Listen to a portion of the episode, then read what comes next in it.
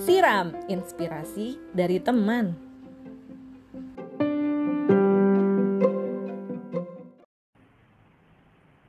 Halo, Erida. Aduh, Erida nih manggilnya. Hai, Tepi. Ipet lah ya. Halo, Un. Gimana, Un, kabarnya? Halo, Assalamualaikum. Alhamdulillah baik, sehat. Waalaikumsalam, alhamdulillah. Nah, jadi uh, ini aku perkenalan ke teman-teman dulu ya, Un. Jadi buat teman-teman yang dengerin, kali ini guestnya adalah Erida Ayu Triluardani atau yang dipanggil Erida atau aku manggilnya itu Unta. itu panggilan zaman SMA teman-teman. Jadi mohon maaf kalau selama podcast ini direkam ya uh, aku akan manggilnya un un gitu. Karena udah terbiasa kayak gitu. Dan kalau aku manggilnya Erida nanti jadinya aneh gitu. Nah nah uh, mungkin aku kenalin dulu ya un ya. Uh, dari sisi aku ya. Jadi uh, aku ketemu un Un ini tuh di SMA, uh, tepatnya di Semanti, pas kita kelas 10 ya Un ya? Kelas 1 SMA tuh kelas berapa ya? 10 ya Un? 10? Iya, uh, 10. Kita kelasnya tuh waktu SMA. Tapi sebenarnya hmm. SMP hmm. juga satu sekolah. Oh iya, SMP kita juga satu sekolah ya di SMP 3. Jadi kayak ketemunya tuh udah lama. Dan karena tadi Un mention uh, SMP, aku jadi inget ya kalau Erida atau Unta ini adalah anak hits SMP 3 ya teman-teman ya. Jadi jadi uh, kayaknya semua anak SMP 3 angkatanku tuh pasti tahu gitu yang namanya Erida kan. Dan uh, ternyata waktu SMA itu uh, aku ini ditakdirkan berteman gitu kan dengan uh, Erida ini teman-teman. Jadi dan deket lah jadi aku tahu oh unta itu gimana sih aslinya? Kalau tadinya aku cuman denger denger doang ya oh Erida itu anaknya kayak gini gini. Nah tapi pas SMA itu aku bener-bener tahu nih uh, unta ini seperti apa. Dan memang dia adalah teman yang terbaik lah. Jadi kayak pokoknya baik banget dan uh, lucu juga gitu. Dan makanya kita masih berteman sampai sekarang lah ya Un gitu. Dan kayaknya itu deh perkenalan dari aku nih. Jadi uh, aku kasih kesempatannya ke Erida nih sekarang ya teman-teman ya. Untuk gantian memperkenalkan diri nih supaya uh, teman-teman uh, bisa tahu lebih dekat lah. Monggo Un. Oke. Pendengar setianya Ipet. Ipet ya nggak apa-apa manggilnya Yes. Kalau namanya benar kayak yang tadi dijelasin, disebut Eri Dayu Tripardani. Uh, dulu temenan sama Tepi mulai SMA, walaupun kita SMP juga satu sekolah, tapi katanya takdirnya baru SMA. Dan itu tadi takdir baik atau takdir buruk maksudnya ya? takdir baik dong, Un. Oke. Okay. Kalau aku pribadi lahirnya di Malang, Uh, hmm. Tapi sekarang tinggalnya di Balikpapan dan bulan depan akan pindah lagi ke Jawa Barat, Cilegon. Jadi memang uh, sekarang statusnya jadi ibu rumah tangga. Suamiku kerjanya harus pindah-pindah, mutasi setiap dua atau tiga tahun sekali. Jadi ya kami harus berpindah dari satu kota ke kota lainnya gitu. Oke. Okay. Sip. Nah, tadi uh, udah kesebut ya teman-teman ya, kalau Erida ini pekerjaannya adalah ibu rumah tangga atau kita singkatnya IRT aja ya, Un ya, biar nggak kepanjangan kali ya. Boleh, nah, boleh, boleh. Oke oke. Nah, abis itu, uh, nah itulah sebenarnya teman-teman ya yang membuatku kayak tertarik gitu. Uh, bukan tertarik tapi kayak kepikiran untuk kayak wah iya nih aku harus invite Unta nih di podcast ini. Karena uh, aku tahu kalau uh, Erida ini adalah beneran uh, ibu rumah tangga yang full time dalam arti memang stay at home banget gitu loh Nah, tapi di samping itu dia juga berwirausaha, kayak jualan ini juga ya Un hijab. Kemudian ada kalau aku lihat di TikTok tuh uh, Erida ini upload tentang uh, jus-jus gitu ya Un, kayak jualan jus gitulah. Karena kebetulan Erida ini adalah nutritionist gitu atau sebenarnya kuliahnya tentang pergizian gitu ya Un. Jadi tahulah tentang uh, nutrisi-nutrisi gitu mungkin ini Un, sebelum kita bahas lebih jauh tentang ibu rumah tangganya ya Un, boleh perkenalan uh, bukan perkenalan sorry, tapi lebih ke arah uh, gimana sih Un ceritanya uh, kok kamu sampai uh, jadi ibu rumah tangga? Mungkin uh, kasih intronya dulu dikit deh Un, gitu. Oh oke, okay. jadi kan pertamanya setelah SMA lanjut S1 di Brawijaya Gizi. Aku lulus hmm. 2014. Setelah lulus tuh 2014 alhamdulillah aku dapat beasiswa untuk lanjut S2 di Northern Ireland di Queen's Belfast sama juga nutrition tapi lebih ke kayak farm to fork gitu. Jadi uh -huh. kalau S1 aku lebih ke gizinya orang sakit itu mah kalau udah diabetes nggak boleh makan apa dan lain segala macem hmm. kalau S2-nya aku lebih ke uh, dari makanan yang berasal dari tanah sampai ke perut manusia itu prosesnya apa ada gitu hmm, okay. nah tahun 2016 aku lulus sempet kerja informal sebentar okay. di Brawijaya setahun aja terus habis itu nikah dan langsung ikut suami untuk merantau gitu. Oke. Okay. Mm -mm.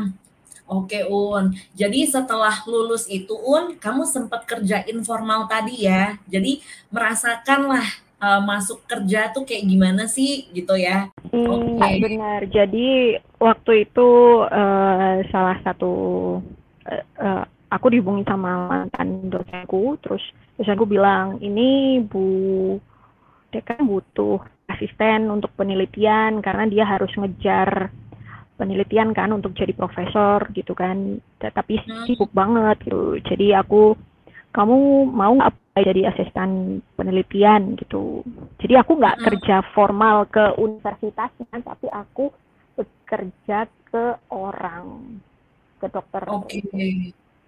Mm -mm. Sorry Un, tadi itu setelah S2 atau sebelumnya S2 ya Un ya? Setelah S2. Setelah, lulus. ya. Oke, oke. Oke, nah dan kamu S2-nya kan di Belfast ya Un, di UK kan? Nah, itu kayak ketika aku ngelihat Unta uh, kuliah di sana ya S2 aku kayak wah keren nih Un, keterima LPDP kan. Terus kayak fun banget uh, di Belfastnya kan. Nah, boleh diceritain dikit nggak sih Un mungkin tentang perkuliahan di sana? Gimana sih rasanya kuliah di UK Un? Mungkin singkat aja kali ya. Oke, rasanya kuliah di luar apalagi di UK, um, no, uh, Belfast itu UK coret. Aliasnya sebenarnya United part of United Kingdom ya cuman kan beda uh, kayak itu apa ya nyebutnya beda pulau. Jadi kan ada satu lagi kontinen di atasnya England mm -hmm. itu ada Ireland sama Northern, Northern Ireland. Jadi karena di atas mm -hmm. banget kalau singkat ada dan jelas adalah dingin okay. dingin sekali hampir okay. hujan terus hampir hujan terus setiap hari mm. ya kalau oh. itu ya dari cuaca kalau dari pengalaman kuliah sendiri ya ya walaupun dingin tapi perjalanan pendidikannya super worth. Hmm, oke. Okay. Uh, berarti kamu sempat ke London gitu nggak sih, Un? Sempat, tapi kalau kalau kan harus ini kita harus naik ferry atau harus naik pesawat. Oh oke, okay. karena deket juga ya sebenarnya. Dan tadi uh, Unta bilang di sana tuh dingin gitu kan. Jadi aku aku mikir sih iya sih karena kan pasti negara empat musim ya gitu. Dan yang kedua tadi Unta bilang tentang perkuliahannya kan ketemu sama pastinya ketemu sama orang-orang baru juga kan. Nah itu tuh gimana Un? Seberapa ini enggak seberapa variatif sih orang-orangnya? Maksudnya apakah ada dari kayak benua Afrika gitu let's say Un temenmu gitu? Atau dari benua mana gitu yang kayak bener-bener nggak pernah kamu temui sebelumnya gitu Un? Uh, kalau temen sih dari Afrika, mm -hmm. Rusia. Oh ada ya berarti. Terus war uh, warga lokal. Mm -hmm. Maksudnya warga lokal Northern Ireland ya. Mm -hmm. Terus Indonesia sama Malaysia itu aja sih nggak terlalu yang banyak ini mungkin oh. ini ya apa namanya untuk akomodasi ini ya di rumah ya karena aku tuh kayak ngontrak um, satu rumah isinya empat orang di hmm. dua bulan pertama itu aku sama orang Kroasia orang Jerman sama orang Northern Island. Kalau yang okay. lainnya setelah dua bulan selanjutnya tuh aku gabung teman-teman Indonesia. Hmm, oke okay, oke. Okay. Jadi ya belajar berinteraksi dengan orang-orang internasional juga ya Un ya sebenarnya ya. Mm -mm, mm -mm.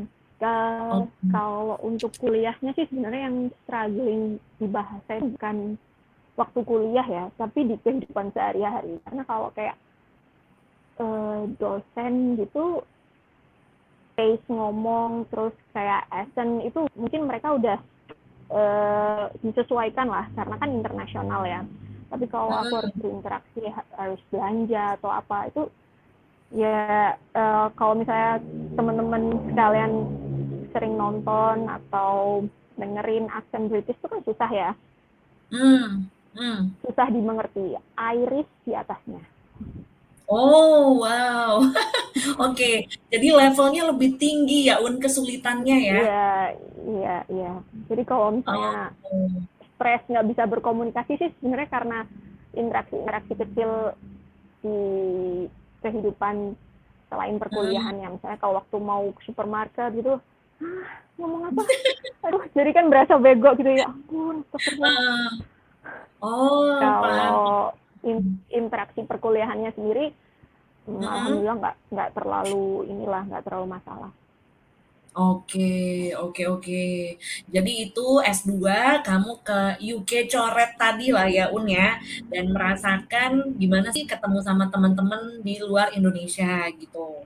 Nah, Terus balik lagi Un ke tadi yang kamu bilang kan, kamu sempat ada kerja yang informal, baru setelah itu kamu uh, menikah dan akhirnya jadi ibu rumah tangga. Jadi memang uh, karena ya sebenarnya karena situasi juga ya Un ya, berarti ya. Karena kan uh, itu tadi ya, kamu ikut suami dan memang pekerjaan suaminya kamu ini mengharuskan uh, dia untuk nomaden kayak 1 sampai 2 tahun di uh, lokasi A, kemudian nanti pindah lagi ke lokasi B gitu ya Un. Nah, iya, uh, iya gitu. Yes, yes. Nah, terus gini Un, oke, okay, kan kamu ada diskusinya kan sama dia. Nah, terus sebenarnya kalau dari sisi kamu sendiri nih Un, sisi pribadi ya, apakah kamu kayak ada mikir kayak, waduh kan aku udah lulus S2 nih, udah kuliah tinggi-tinggi, ya masa aku jadi ibu, ibu rumah tangga sih gitu. Ada gitunya nggak sih Un di awal? Um, biasanya ada ya. ada lah tapi nggak nggak yang sampai bikin aduh uh, pikiran banget gitu nggak karena mm-hmm. kalau misalnya soal uh, cari duit gitu ya mm-hmm. sebelum lulus kuliah pun aku udah cari duit gitu kan aku udah yes. um, jadi pedagang yeah, yeah. ya kan tahu tahu jadi kalau walaupun walaupun walaupun aku nggak kerja pun ya aku punya punya pendapatan gitu kan uh, mm. terus aku waktu itu sih mikirnya uh, dulu tahu nanti penempatannya kota besar gitu kan jadi mungkin mm. bisa mungkin bisa aku ada apply di sana kalau misalnya ada universitas kedokteran atau universitas atau mungkin poltekkes lah gitu karena kan emang aku jurusan gizi ya nggak mungkin aku daftar di ekonomi Hmm, hmm, ya. Tuh. Oke, oke, oke, nangkep. Berarti kamu kepikiran, Un, tapi kayak kamu uh, karena kamu udah terbiasa berwirausaha ya. Jadi kayak kamu toh kerja tuh buat apa sih? Kan buat cari uang dan aku kayaknya sekarang udah ada channel untuk cari uang itu. Jadi kayak nggak butuh butuh banget banget banget lah gitu. Butuh mungkin tapi nggak segitunya gitu kali ya Un ya. Uh, ya, maksudnya ya selain selain soal ekonomi mungkin kan menyalurkan ilmu yang sudah didapat gitu kan karena toh aku juga kuliah tuh kan yang ku tulis biasanya LPDP kan mengabdi untuk negara gitu kan. Okay. Tapi uh, setelah aku breakdown breakdown lagi mengabdi untuk negara itu nggak harus mendidik anaknya orang di kelas. Mm -hmm. Aku mendidik okay. anaknya orang yaitu anakku juga kan mengabdi untuk negara juga ya kan. Hmm, hmm, iya loh, bener kan? terus banyak terus aku juga banyak jajan menghidupkan UMKM berarti aku mengabdi juga Waduh, iya bener juga ya. Kan kita yang jadi customernya gitu ya, Un. iya, kok jadi lawak ya, tuh. Jadi ini. Enggak, enggak, enggak. Itu sih tadi cocokologi ya. Itu mohon maaf itu cocokologi aja. Biar nggak terlalu hmm. merasa bersalah ya. Iya iya iya ya.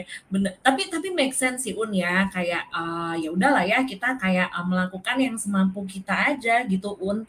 Nggak usah mikir kayak waduh aku harus kayak gini gini gini gitu. Padahal kan uh, kondisi kita kan nggak nggak bisa uh, selalu mensupport uh, hal itu gitu kan. Oke, nah terus uh, gini Un, uh, jadi alasannya kenapa sih kok aku akhirnya um, ini mengundang uh, sosok yang memang menjadi ibu rumah tangga?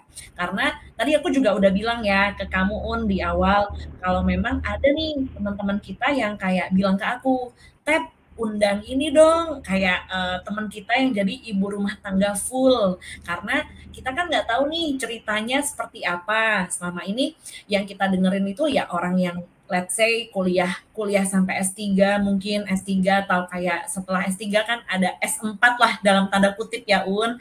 Kemudian orang yang berkarir gitu kan. Jadi kita butuh perspektif baru dari sisi ibu rumah tangga kayak gitu Un.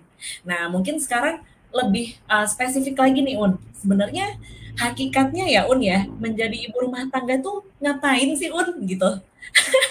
kita kita tahu kan, kita tahu pekerjaannya itu apa. Kayak ya pasti pekerjaan di rumah, tapi sebetulnya apa sih Un kayak main jobnya atau main responsibility-nya gitu loh Un. Oke, sebenarnya kalau ngomongin hakikat pekerjaan itu adalah pekerja jadi menurutku nih ya.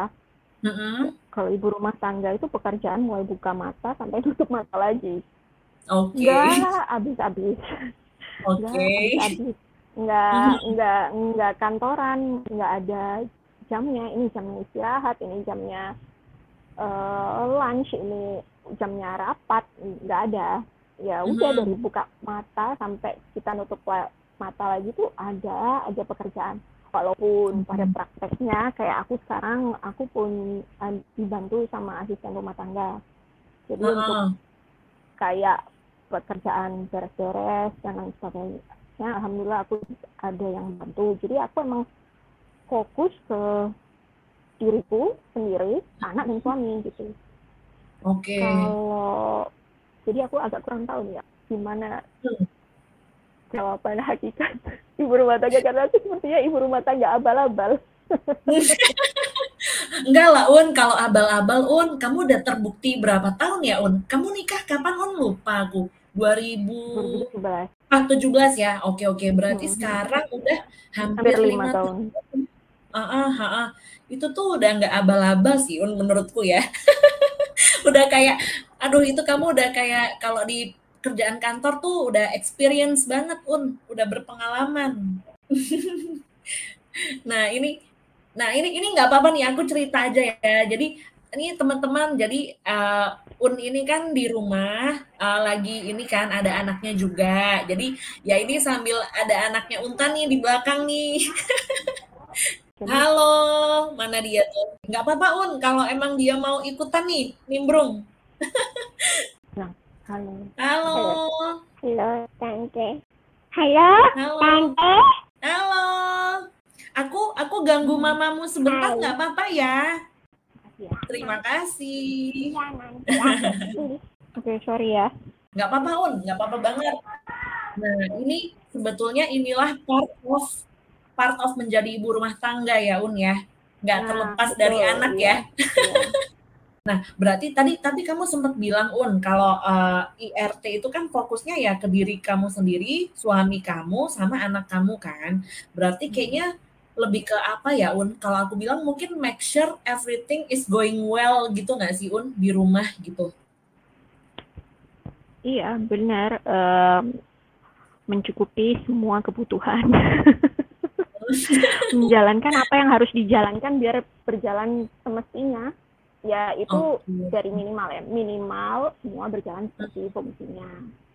Kan hmm. tapi kan kita pinginnya lebih ya betul nggak fungsi minimal aja gitu kan jadi ya kalau misalnya anak nih harus tumbuh ya nggak tumbuh aja tapi juga berkembang hmm. dengan baik kalau suami yes. nih kerja nggak ya nggak berangkat kerja berangkat kerja aja tapi berangkat kerja dengan keadaan yang baik gitu kan misalnya hmm. hmm. ya perintilan perintilan gitulah hmm Iya sih, bener sih Un. Dan katanya ini Un, aku jadi inget kan, ada yang ngomong gini, uh, bentukan suami itu sebenarnya tergantung dari istrinya. Say, suaminya kamu uh, ini misalnya badannya kurang proporsional, itu biasanya yang di kan istrinya ya, kayak wah istrinya nggak nggak menjaga dengan baik nih. Nah itu tuh bener nggak sih Un di dunia ibu-ibu itu apakah terjadi seperti itu atau ya cuman cuman ini apa kabar angin doang lah gitu? Bisa iya bisa enggak gitu karena hmm. uh, misalnya bisa iya kalau selama 24 jam misalnya bentuk badan nih ya. Satu dua jam suaminya nggak konsumsi apa pun di luar rumah gitu kan. Paling nggak selama kerja selama dia bekerja gitu kan. Tapi bisa juga bukan tanggung jawab istrinya. Kalau misalnya suaminya uh, makan siang makan di kantor gitu atau kan jajan ah. ke mana gitu kan. Itu kita kan nggak bisa kontrol ya dia makan apa. Walaupun uh, sebagai ahli gizi sebagai lulusan gizi juga aku pasti hmm. edukasi lah tipis-tipis ini tuh nggak baik. Ya boleh lah nyoba ini sedikit-sedikit gitu kan. Cuman kadang namanya hmm. manusia ya kita sendiri aja kalau ngelihat aduh pengen. Tapi kayaknya aku udah terlalu banyak makan itu tapi aduh pengen. Udah satu lagi pengen. Nggak bisa kontrol ya, ya kan? Ya betul. nggak bisa dijudge gitu juga sih Oke, oke, oke. Nah, sama ini Un, tadi kan di awal kamu kan bilang tentang nomaden kan? Bilangnya apa sih? Sorry, nomaden atau nomaden sih Un? Enggak, enggak ngerti juga itu nomaden atau nomaden ya. ya. Nah, nah itu tuh gimana nih Un? Jadi udah kamu kan pekerjaannya itu tadi ya, ibu rumah tangga dengan kondisi kayak beneran dari buka mata sampai tutup mata tuh kerja terus dan ditambah lagi kondisinya kamu nomaden itu tadi Un. Nah, gimana tuh Un penyesuaiannya? Apakah kamu langsung bisa atau kamu struggling dulu tuh Un di awal? Hmm, yang jelas pasti proses adaptasi itu ada ya. Kayak uh, hmm. sebelum di Kalimantan, aku kan di Banjarmasin. Nah itu proses hmm. dari awalnya single ke menikah dan langsung ikut rantau dan pada saat itu juga suamiku masih uh, pekerjaannya kan ada yang harus mengharuskan dia ke laut gitu kan. Kalau ditinggal ke laut itu kan dihubungin nggak bisa gitu kan. Nggak ini jadi ya ya ya banyak yang harus di ini sih disesuaikan. Kalau strugglingnya sih kerasa banget itu waktu udah ada waktu udah punya anak hmm. uh, terus kondisinya suamiku juga masih harus bolak balik darat laut darat laut gitu dan hmm. Pak RT ini mengundurkan diri. itu. Waduh. Oke.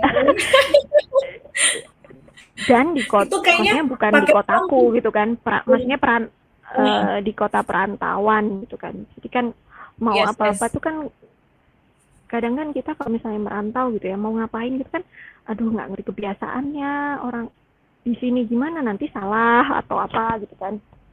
Hmm, betul. Hmm, jadi emang harus adaptasinya yang berat itu di situ sih. Awal nikah dan hmm. awal punya baby awal punya oh. baby dan ditinggal ART lebih tepatnya. Wah, ya itu tadi ya. Untung nggak lama lah ya, cuma tiga aja. Habis itu dapat yang baru. oke oke, alhamdulillah lah ya. Jadi Cuma, aku, hmm, hmm, Jadi aku sangat ini salut buat ibu-ibu yang di rumah semua dikerjakan sendiri tanpa ART. Ibu rumah tangga ataupun ibu bekerja yang semuanya dikerjain sendiri tanpa ART. Masya Allah itu hebat sekali ya. Wow, ini ini udah ini feedback langsung ya da dari orang yang memang sudah menjalani gitu guys, bahwa memang nggak segampang itu ya. Dan gini Un, kan kadang orang itu suka melihatnya ini ini memang pandangan di luar ya Un, kayak sebelah mata gitu nggak sih? Oh ibu rumah tangga mah ngapain gitu kan maksudnya di rumah ya ya kayak gitulah basic maksudnya gini ngurus anak mungkin nyuci baju setrika gitu-gitu kan nah sebenarnya kamu, kan bilang un kalau hal-hal itu tuh sebenarnya berat apalagi tanpa uh, tanpa asisten rumah tangga gitu kan nah beratnya itu gimana sih Un? Boleh diceritain ke kita nggak? Maksudnya betul pekerjaannya kan basic, tapi yang bikin berat itu apanya nih Un? Apakah karena frekuensinya atau karena uh, never never endingnya atau gimana sih Un? Uh, ya tanggung jawabnya yang jelas. Maksudnya kalau uh. misalnya basic deh dari kesehatan aja anak nih -hmm. kalau misalnya sebelum dua tahun berat badannya nggak mm -hmm. nambah pasti -hmm. dokternya nanya ibu ngasih makannya gimana mm nggak mungkin kan bapak mm -hmm. ngasih makannya gimana gitu pasti ibunya ngasih makannya gimana e, menunya yang dikasih apa aja gitu kan itu satu contoh misalnya anaknya berat badannya nggak mm -hmm. nambah sesuai target atau uh, atau bahkan nggak nambah sama sekali. Terus nanti kalau misalnya mm -hmm. anak lagi sekolah ada apa-apa pasti akan uh, ditarik ke belakang ke kehidupan di dalam rumahnya pasti yang pertama ditanya ibunya cuma ibunya gimana mengajarinya seperti apa wow karena ya emang culture okay. kita seperti itu kan apa ya namanya sekarang patriarki mm -hmm. walaupun ya yeah, iya, iya. alhamdulillah yeah. kalau misalnya yang kalau kalau yang aku rasain sekarang ya mm -hmm. hmm, dalam proses mendidik anak ya kita sama-sama walaupun prakteknya lebih banyak aku yang bersinggungan sama anak karena ya dia di mm-hmm. kantor gitu. Tapi dia pulang kerja dia misalnya dapat laporan dari anakku dia bisa papa aku bisa A B C gitu kan. Terus mm-hmm. malam sebelum tidur kita ngobrol dia tadi kok bisa itu? Oh iya kamu seperti itu oh tapi kemarin sama aku dia nggak mau loh ngomongin ini dia nggak mau loh ini. Coba besok okay. kamu ini deh stimulasi yang itu maksudnya mungkin coba kamu fakis tuh uh, kalau kayak angka dia tuh masih mm-hmm. random nyebutinnya nggak pernah bisa urut gitu cuman kami okay. tuh pernah beberapa kali dengar cuman kami pernah beberapa kali dengar jadi mm-hmm. gimana ya jadi kami pernah ini contoh ya misalnya kalau ya nggak akan nggak terlalu berat sih kalau misalnya tanggung jawab itu dipegang sama-sama gitu loh tapi kalau memang dengan mm-hmm. culture-nya kita dan okay. semuanya bahasa Jawanya ditumpahkan ke perempuan ya pasti berat gitu. Hmm. Ah, paham paham Un. Oke oke oke. Ini sekarang aku baru terbuka nih Un pikirannya ya. Maksudnya Iya ya, kan dikit-dikit tuh kayak pasti tanggung jawab mamanya kan, kayak kamu bilang hmm. tadi, emang makannya apa Bu di rumah? Kemudian kalau anaknya nggak bisa, emang di rumah nggak diajarin, gitu-gitu kan. Hmm. Dan memang cenderungnya ke ibunya sih Un, benar-benar bukan ke bapaknya ya. ya. Oke, okay. dan Jadi ini salah hmm. satu nasihat untuk perempuan sana yang belum menikah, kalau belum menikah mungkin itu bisa jadi bahan obrolan ya. Nanti kehidupan hmm. setelah berumah tangga itu bagaimana, tanggung jawabnya bagaimana, hmm. dipikul berdua atau gimana dan segala macam. Hmm, oke okay, oke. Okay. Tapi kalau kamu sendiri ya Un ya sama suami kamu hmm. sekarang, kamu tuh menganut aliran yang kayak gimana nih Un? Setelah setelah lima tahun ya, kan kamu pasti udah udah pengalaman lah. Kamu lebih gimana? Lebih ke ibunya, bapaknya atau seimbang Un? Hmm, kalau dibilang seimbang sih kayaknya belum, tetap lebih banyak ibunya ya, cuman yang nggak terlalu timpang lah. Mungkin bisa dibilang okay. 40 60. Hmm.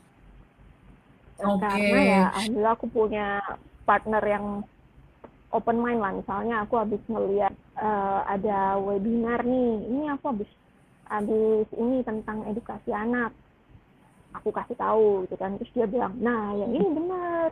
Kamu nih ini kadang masih hmm. ada koreksi-koreksi. Ada yang penting dia tahu dia, uh, dia mengaplikasikannya dikit-dikit. Walaupun ya itulah itu tadi. Karena uh, hmm. mau terjun langsung pun mau si laki-lakinya terjun langsung pun kan yang banyak waktu sama anak tuh kita gitu. Jadi ya nggak bisa separuh-separuh ya pasti lebih banyak Betul. yang perempuan.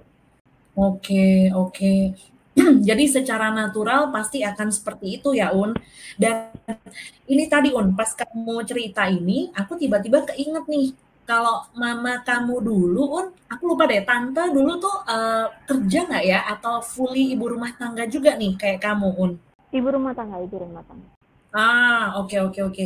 Berarti kan kamu sebenarnya udah familiar ya, Un. Maksudku gini, kamu ngelihat dari mamamu kan, oh biasanya mama aku tuh gini, gitu-gitu kan. Tapi kamu merasakannya sebagai anak. Nah, kali ini kan kamu sebagai ibunya gitu kan. Kamu ada minta tips-tips gitu nggak sih, Un, sama mamamu gitu, kayak gimana sih kalau kayak gini kondisinya gitu. Karena kan beliau pasti udah menjalani itu gitu loh, Un, jauh sebelum kamu gitu. Hmm, kalau familiar dengan sosok ibu rumah tangga iya. Tapi mm-hmm. kalau kayak tips tips sih mungkin aku lebih sering nanya resep ya. ah, oke. Okay. karena nggak inget ya dulu ibuku ke waktu aku masih kecil gimana. Tapi yang jelas kalau waktu aku udah sekolah itu eh, di rumah kami nggak ada asisten rumah tangga, tapi tapi tiga anaknya ini udah tahu uh, hmm.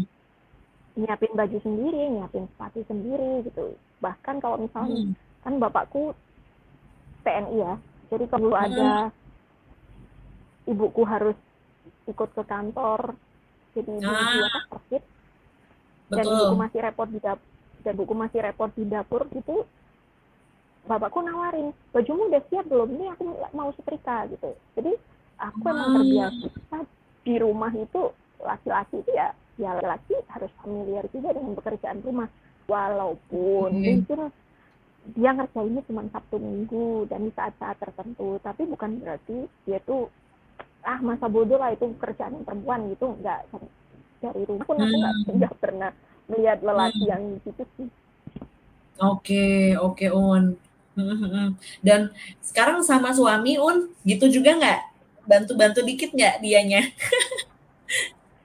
Kalau pas nggak ada ART ya, kalau ada yang ah. Ah, oke oke. Jadi tetap lebih banyak di kamu ya. Terus ini Un, nextnya ya. Ah, uh, nextnya aku kepikirannya gini. Uh, ketika menikah, ini mungkin lebih dari sisi pernikahannya ya Un ya. Kita tahu lah ya menikah itu enak, Cuman pasti ada beratnya karena kan itu komitmen ya Un. Belum lagi menyatukan dua insan, C dua insan. Jadi kan pemikirannya beda lah, situasinya juga berbeda. Eh bukan situasi tapi background keluarganya mungkin ya. Nah, itu kayak gimana sih Un? Kamu uh, dengan jadi ibu rumah tangga dan mungkin karena ini pernikahan apa ya? Maksudnya gini kan kita juga baru uh, apa ya ba mm, baru memasuki fase pernikahan kan ada adjustment. Nah itu gimana sih un rasanya un dari single kemudian menikah gitu? Terlepas kondisi yang tadi ya kayak misalnya nomaden atau kamu jadi ibu rumah tangga tapi purely dari sisi menikahnya itu ada sisi kamu yang berubah gitu nggak sih Un? Mungkin itu deh pertanyaannya. Erida yang dulu berubah nggak dengan Erida yang sekarang gitu? uh, lebih toleransi mungkin ya lebih kayak ya udah gitu contohnya contoh kecil nih ya ah, aku dibantu uh. aku dibantuin nyuci piring uh. gitu tapi aku sejak menikah sejak jadi ibu tuh jadi OCD gitu ya jadi kalau setelah suami cuci piring tuh di rak piring itu berantakan jadi ya cuman dia taruh aja di rak piring padahal hmm. kalau aku yang cuci piring atau ART ku pasti aku suruh tata dari piring yang paling besar ke paling yang kecil gitu masukin Oke oke. sirup pengering. Mhm. Contoh kecil, contoh kecil kayak gitu. Jadi ya Mhm akhirnya mhm. ah ya udah karena udah dibantuin gitu kan. Iya, lebih to lebih banyak toleransi. Memang memang ya harus lebih banyak toleransi sih. Dia pun Oke juga pasti oke. gitu ke aku ya kan. Mungkin dia dalam Mhm mhm. keluarganya melihat ibunya, eee yang A, B, C, D, E gitu kan, tapi di aku yang nggak terbiasa seperti itu akhirnya kan dia, oh ya udah nggak apa-apa, dia kan emang nggak terbiasa kayak gitu, gitu. Oke oke. Jadi kata Kalau mau kuncinya toleransi ya, Un, ya? Ternyata ya? Iya. Sabar sih, Pet. Mhm. Gimana, Un? Sorry, suaranya agak Saba keputus. Oh, sabar ya? Toleransi Oke. toleransi Toleransi dan toleransi dan sabar. maksudnya? Dan ini sih sebenarnya kalau misalnya Oke oke oke. Ini ini kayak tak catat nih, Un. Ah. Iya, toleransi dan sabar karena, eee, terus yang selalu diingat lagi, eee, kayak setelah diajak nikah sampai ke mempersiapkan pernikahan tuh ibuku selalu bilang, "Ayo diluruskan niatnya, nikah tuh ibadah," gitu dan Mhm. lain sebagainya gitu kan. Jadi aku tuh kadang Oke. misalnya suamiku menye menyebalkan ya, dan ada satu Ah momen hah. aku bisa membalas. Membalas perbuatan Oke. dia yang menyebalkan gitu kan ya. Heeh. Ada satu momen yang, wah ini menang nih aku gitu kan. Tapi heeh. enggak enggak enggak gitu. Aku mungkin menang sama dia, tapi aku dicatat dosa nih. Kan ini ibadah. Oke. Mhm Iya mhm. kan? Wow. Ya udah, Iya iya, gitu aja. Bener. Aku oke. Mhm. Kadang kan Iya. kita bisa membalikkan keadaan gitu ya. Kalau kita habis 1-0 gitu, oh oke besok nih ada momen kayak gini aku bisa menang gitu kan. Tapi kalau Heeh. dipikir-pikir lagi, aku ini buat apa gitu kan. Aku menang sama dia tapi kan aku dicatat dosa nih. Mhm mhm. Jadi emang Wow. ya harus meluruskan niat, meluruskan niat, toleransi, sabar, klise lah. Tapi ya memang prakteknya sulit, sulit sekali. Mmm, mhm. Pasti sih, Un, ya. Maksudnya aku aja yang belum nikah tuh udah kebayang kan melakukan 3 hal itu ya, kayak tadi toleransi, sabar, meluruskan niat, itu tuh kayak wow, dan itu harus konsisten ya, Un, nggak cuman sehari, 2 hari doang, tapi seumur hidup. Bener nggak sih, Un? Betul betul. Oke oke. Jadi oke oke, berarti kamu, apa ya, Un, kamu menyadari bahwa memang ini tuh ibadahmu gitu ya, Un. Karena gini, eee, banyak dari kita yang nikah itu masih karena cinta nih, Un. Bener-bener kayak, "Wow, I love you." Jadi kayak, aduh nikah itu tuh sesi kayak hidup bareng, kayak apa, eee, orientasinya tuh hanya karena bener-bener saling mencintai gitu loh, Un. Kayaknya banyak yang kadang lupa gitu ya atau skip bahwa, eee, pernikahan itu sebenarnya ibadah loh, jangka panjang. Nah jadi nah ini berhubungan mungkin sama cinta-cintaannya ya, Un, ya, nggak papa lah ya disinggung sedikit ya. Jadi, kan pastinya fase pacaran itu indah Aduh malu. Un. Ah, nggak papa dong. Nah bahas lah. Nah jadi gini, pas pacaran kan pasti indah, semuanya tuh indah gitu ya. Nah apakah pas nikah itu keindahan itu masih ada, Un? Apa atau, eee, ilang semuanya tuh, Un? Udah nggak ada tuh kayak sayang-sayangan atau apa, justru malah makin mesra malah, atau gimana, Un? Aku aku no idea nih kalau ini. Kalau aku ya, ini kan Heeh.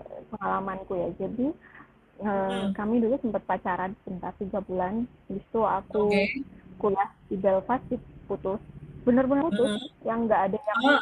mmm, nanyain kabar mantan tuh nggak ada. Tiba-tiba aku Oke. sudah lulus, aku mau pulang, dia Mhm. bilang kalau mau main ke rumah. Dan Oke. mmm, dan di situ terus aku diajak nikah gitu kan. Nah, Mhm proses sebelum mhm. mengiyakan proses sebelum mengiyakan itu kan banyak ya. Ada beberapa pertanyaan yang harus dia jawab, ada diskusi tentang, eee, ya gimana kehidupan selanjutnya gitu. Kalau ngomongin cinta, gimana ya, ya pastilah cinta, cuma Mhm. interaksiku sebelum menikah itu minim banget. Jadi kan dia, eee, dulu di Banjarmasin dan aku di Malang, satu sebelum menikah itu. Yes. Nah Heeh kalau heeh. misal pun dia pulang ke Malang, itu pasti kita ngingatin nikahan, entah kita ke vendor catering kah, atau kita ngapain kah. Jadi kayak seingatku dulu waktu pacaran aja kayaknya nonton cuma sekali lah.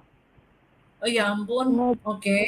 ngob ngobrol pun ngobrol nongkrong di kafe nggak sempat mungkin makan ya waktu makan itu ya di tengah-tengah perjalanan kita misalnya ya itu tadi di tengah mau ke tempat meeting kita makan dulu nah di situ ngobrol atau apa gitu Kalau indah justru aku merasakan indah itu pas eh, di atas tiga bulan pernikahan kalau pas Wow. satu sampai tiga bulan yang kata orang aduh masih anget-angetnya enggak berantem terus Ah, iya? karena ya Wah. emang emang kita minim interaksi jadi sebelum Oke. menikah minim interaksi habis itu disatukan di rumah jauh dari orang tua jauh dari keluarga jauh dari teman jauh dari kerabat gitu yang aku cuma Mhm. nanya dia dia juga cuma nanya aku terus ya masih ya Wah. itu jelas masih banyak harus yang diadaptasi tapi setelah Mhm.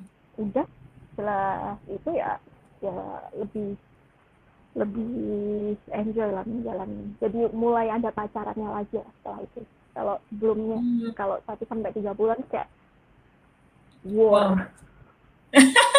Kayak perang ya? full Nggak apa-apa iya dong. iya Nggak apa-apa, Un. Tapi tapi suamimu kira-kira ya keberatan enggak lah ya? Kan ini cuman generalnya aja. iya iya ya enggak sih mungkin kalau tadi ditanyain cinta-cintaan ya masih ya, ya ada justru aku merasakan hal pas udah nikah gitu Oke. aku bukan yang Oh. mohon maaf aku bukan bukan yang alim-alim terus ta'aruf itu enggak. Ya aku pacaran. Cuman emang aku minim banget Ra. minim banget interaksi nonton nongkrong ngafe. Itu minim karena ya emang LDR gitu kan. Mhm. Oke, paham Dan- sih, paham sih, Un. Dan dan bahkan walaupun ada eh, ada misalnya Un, ada orang kan bilang teknologi udah canggih, ada video call, bisa telepon kayak semalaman penuh gitu kan. Itu nggak nggak nggak bisa menggantikan ya, Un ya, sebenarnya ya. iya nggak bisa lah nggak bisa lah begitu hidup bareng itu langsung beda Wow. Hmm, oke. beda Dan ini tadi Un, waktu kamu cerita ya, kamu bilang kan kayak satu ya, satu sampai tiga bulan pertama kan kamu kayak war kan, perang kan, dan kamu bilang kalian berdua baru nikah jauh dari orang tua, uh, diantah berantah dalam tanda kutip ya. Terus aku langsung kebayang, wah iya sih, maksudnya nek aku ya ditempatkan di posisi kayak gitu, wah stres sih gitu kan. Dan makanya jujur aku ngeliat ada perbedaan juga nih Un di kamu ya. Mungkin waktu SMA kan kamu kayak wah banyak hahaha hahahinya gitu kan. Nah, tapi setelah setelah nikah emang kemudian ya masih masih cuman kayak jauh lebih gimana ya mungkin aura aura istri dan ibunya tuh keluar gitu loh Un kayak kamu kayak bisa lebih mengontrol mengontrol diri gitu kan. Jadi mungkin aku ngerasa kayaknya kamu memang kena itu tadi Un yang 1 sampai 3 bulan itu kan kayak mengubahmu juga nggak sih at some point ya? Kayak Erida yang dulu nggak seperti itu dihadapkan dengan kondisi gitu wah langsung berubah tuh. Ya nggak sih Un? Bener nggak? Iya atau iya. atau soalnya kalau misalnya Mhm. gimana ya ya mungkin di situ tapi ya nggak nggak nggak pasti pastinya nggak nggak nggak hanya poin itulah ya. Selama perjalanan rumah tangga lima tahun ini kan juga sedikit banyak membentuk Mhm. membentuk cara berpikir membentuk cara mencari solusi ya. Mhm. cara nge-breakdown masalah pasti ya terbentuk lah selama lima tahun ini. Nggak nggak melulu di ini. Cuman kalau misalnya ditanya cobaan terberat ya itu Mhm. Apa tuh? Kalau sekarang cobaan ter- terberatnya apa, Un? Kan fase-fase tadi udah lewat tuh. eh sabar sih aku kayak sumbu pendek aja sama sakit tuh Oh gitu. Masa sih, iya Un? iya iya iya Ah, oke. Aku aku jadi inget loh Un, ini randomly aku dari tadi keinget keinget banyak hal nih. Kayak waktu SMA kan kamu inget nggak dulu kita pernah nih, mungkin kamu udah lupa ya Un ya. Jadi kita bilang aku nanti kalau punya anak, aku pengen anak tuh anakku tuh gini gini gini gitu. Dan aku kepikiran hmm. juga nih, karena kan aku tahu kamu dulu kayak gimana kan Un. Jadi aku kepikiran wah nanti anaknya Unta tuh kayaknya gini deh gitu kan. Nah tapi ternyata in reality tuh mungkin bisa berbeda dengan yang kita uh, bayangin sebelumnya ya Un. Kayak misalnya gini, oh, oh, yeah. kamu Iya kan, sebelum punya anak kan kamu pasti hmm. berencana, oh nanti aku gini deh buat anakku pengen A, B, C gitu kan. Tapi begitu udah punya beneran, oh ternyata aku kok jadi nggak sabaran ya, kok jadi sumbu pendek itu tadi. Kemudian iya. kok kayak nggak jadi nggak jadi ibu yang ideal uh, versiku dulu ya. Ternyata gitu ya Un ya. Nah, iya dan yang membuat bisa membuat ibu rumah tangga itu menurutku ya kalau aku hmm. stressor salah satu yang mem, um, men-trigger stres itu adalah aku menciptakan sosok-sosok ideal ya idealnya seperti ini idealnya seperti ini harusnya seperti ini padahal dalam prakteknya banyak sekali godaan banyak sekali hambatan dan hmm. akhirnya kalau itu nggak tercapai stres gitu kan ah. jadi sekarang aku bukan idealnya seperti apa tapi goalnya apa main goalnya apa nantilah kita cari cara ke sana karena kan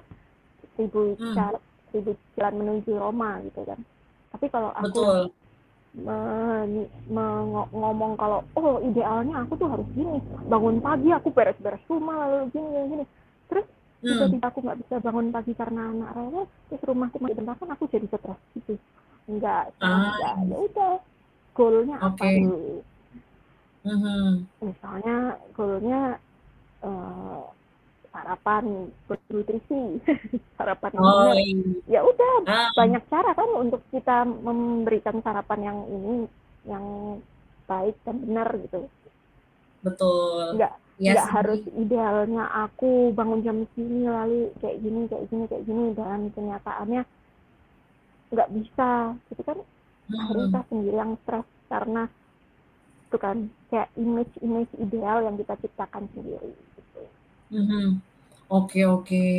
Nah, terus ini Un, bicara tentang ideal ya, sebenarnya ada harapan ini sorry nih kayak agak personal dikit ya Un ya. Ada harapan yang hmm. diberikan sama harapan atau ekspektasi ya, yang yang didapatkan dari mertua ada nggak sih Un? Namanya mertua ya, ini kayaknya ini pasti dihadapi oleh semua wanita di Indonesia ya. Pasti kan kayak, wah sebagai ibu tuh harusnya seperti ini, ini, ini.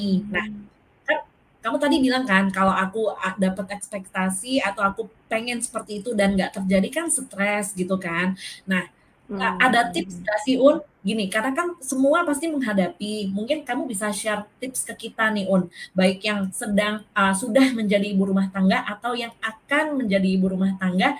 Gimana sih Un cara survive with that gitu, with that situation?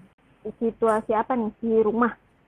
Ya yang kayak tadi misalnya ada ekspektasi dari mertua atau apa. Ini kalau ngomongin yang itu tadi un kayak uh, idealisme ketika jadi ibu rumah tangga maksudku.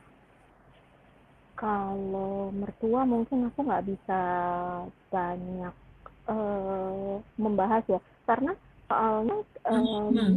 aku kalau hidup sama mertua aku ya paling cuman momen tal aja. Jadi momen liburan aku main ke Malang kan cuma seminggu ah. palingan atau enggak yes, mertua yes. aku berkunjung ke sini mm-hmm. juga cuma seminggu dua minggu gitu kan kan beda ya eh, menjalankan oh. di rumah kalau cuman berkunjung gitu sama mungkin yang sehari-hari ketemu gitu mungkin beda jadi aku nggak bisa nah sini karena ah, iya, posisinya jauh jauh gitu loh Ya sih bener sih, aku juga lupa lagi. Ya bener Un, berarti ya nggak nggak bisa 100% relate ya Un ya. Iya, iya. Tapi kalau secara garis besar sih mungkin karena uh, yang sering diomongin ya mungkin kayak ke kesehatan gitulah menurut aku tuh. Hmm. Oke oke. Oh jadi gitu ya Un ya. Jadi ya memang kamu sekarang nggak nggak relate ke situ, tapi mungkin ya ada ekspektasi, cuman kayaknya masih bisa dihandle juga ya, Un, kayak tadi kamu bilang. Oke, sip. Nah, terus ini kayaknya uh, tadi kan gini ya. Jadi di awal itu Unta tuh bilang ke aku, "Maaf, Pet, kayaknya aku ini terbatas waktunya karena kan harus sambil jaga anak." Dan kemudian uh, ini update ya, Unta lagi packing ya ini ya, Un ya. Mau nomaden lagi nih Unta ya. iya, iya minggu depan nih berangkat ke Jawa Barat. Wow, nah jadi ini uh, Erida akan memasuki fase baru lagi nih teman-teman ya. Kalau tadi itu di pulau luar Jawa, sekarang alhamdulillahnya udah di Jawa ya Un, walaupun bukan Jawa Timur hmm. ya. Iya, alhamdulillah lumayan lah. Eh, yang nggak yes. di mana aja, ya di mana aja baiklah. Yang penting didekatkan dengan orang-orang yang baik, yang amanah, gitu kan. Yes, betul. Amin, Rezeki amin. kan mana-mana. Hmm. Hmm. Untuk perpindahan ini pun ada persiapan nggak kamu? Persiapan pindahan pasti iya. Persiapan mental ada nggak Un? hmm, hmm, enggak ya. Atau santai ya? Mental, oh mental unpacking mungkin, mental beres-beresnya mungkin. Karena aku ah. harus cari ART baru. Iya sih, bener ya. Tapi kayaknya uh, kayaknya akan lebih mudah ya Un di di Jawa Barat ya. Amin gitu kan karena karena amin, di, di Pulau Jawa. Mm -mm, mm -mm. Oke, nah kayaknya sih udah semua ya teman-teman ya, udah tercover lah dengan yang tadi udah aku tanyain ke Erida ya, gimana sih gambarannya menjadi ibu rumah tangga gitu kan. Nah mungkin terakhir Un, sebelum kita tutup podcastnya, kamu ada pesan nggak ke teman-teman yang ngedengerin nih Un? Pesannya tuh bisa berbagai macam sih, kayak misalnya mungkin kamu mau sharing jalan ninja kamu nih misalnya ya dalam rumah tangga atau ada quotes yang kamu uh, yakini selama ini atau apa gitu mungkin Un. Oke, buat ibu-ibu di luar sana yang dengerin podcastnya Tepi, um, hmm. pesan pertama adalah lower your expectation. Oke. Okay. Um. Yang kedua ya gimana gimana emang harus ditambah sabarnya karena hadiahnya surga bukan panci. Oh, emang berat wow. maksudnya. Jadi emang berat. Jadi ya memang berat. Gimana lagi gitu. Karena hadiahnya surga bukan panci atau barang-barang lainnya gitu. Ya ya ya ya ya. Wah ya bener juga ya. Oke. Ada lagi mungkin un tadi yang kedua kan? Ada yang ketiga lagi nggak Oh, enggak deh. Udah cukup dua aja. Cukup ya. Oke, itu kan ibu rumah iya. tangga, Un. Tapi kalau in general ada nggak pesan dari kamu ke teman-teman nih? Perempuan. Nah, perempuan boleh ya. atau dicampur boleh perempuan laki-laki gitu. Ada nggak sih? Hmm. pesan yang kayak berlaku untuk semua kalau, gitu, Un. Atau nggak apa-apa kalau, kalau memang kayak hmm. Oh, Oke, apa ya? In general ya pendidikan itu yang yang utama ya, harus di harus ini diutamakan walaupun nantinya bakal jadi apa, bakal jadi apa ya. Yang penting pendidikan itu harus apa? Benar benar dikerjain, nggak boleh trailing Karena ya walaupun okay. nantinya bakal jadi apa-apa tetap pasti dibutuhin. Oke. Okay. Oke, okay, oke. Okay. Siap, siap make sense sih, bener-bener sih Un. Oke, ada lagi mungkin Un terakhir nih sebelum kita akhiri podcastnya. Oke. Um, apa ya? Udah itu aja kayaknya. Oke. Oke deh kalau gitu Un. Makasih banyak ya Un ya, buat waktunya ya. Un.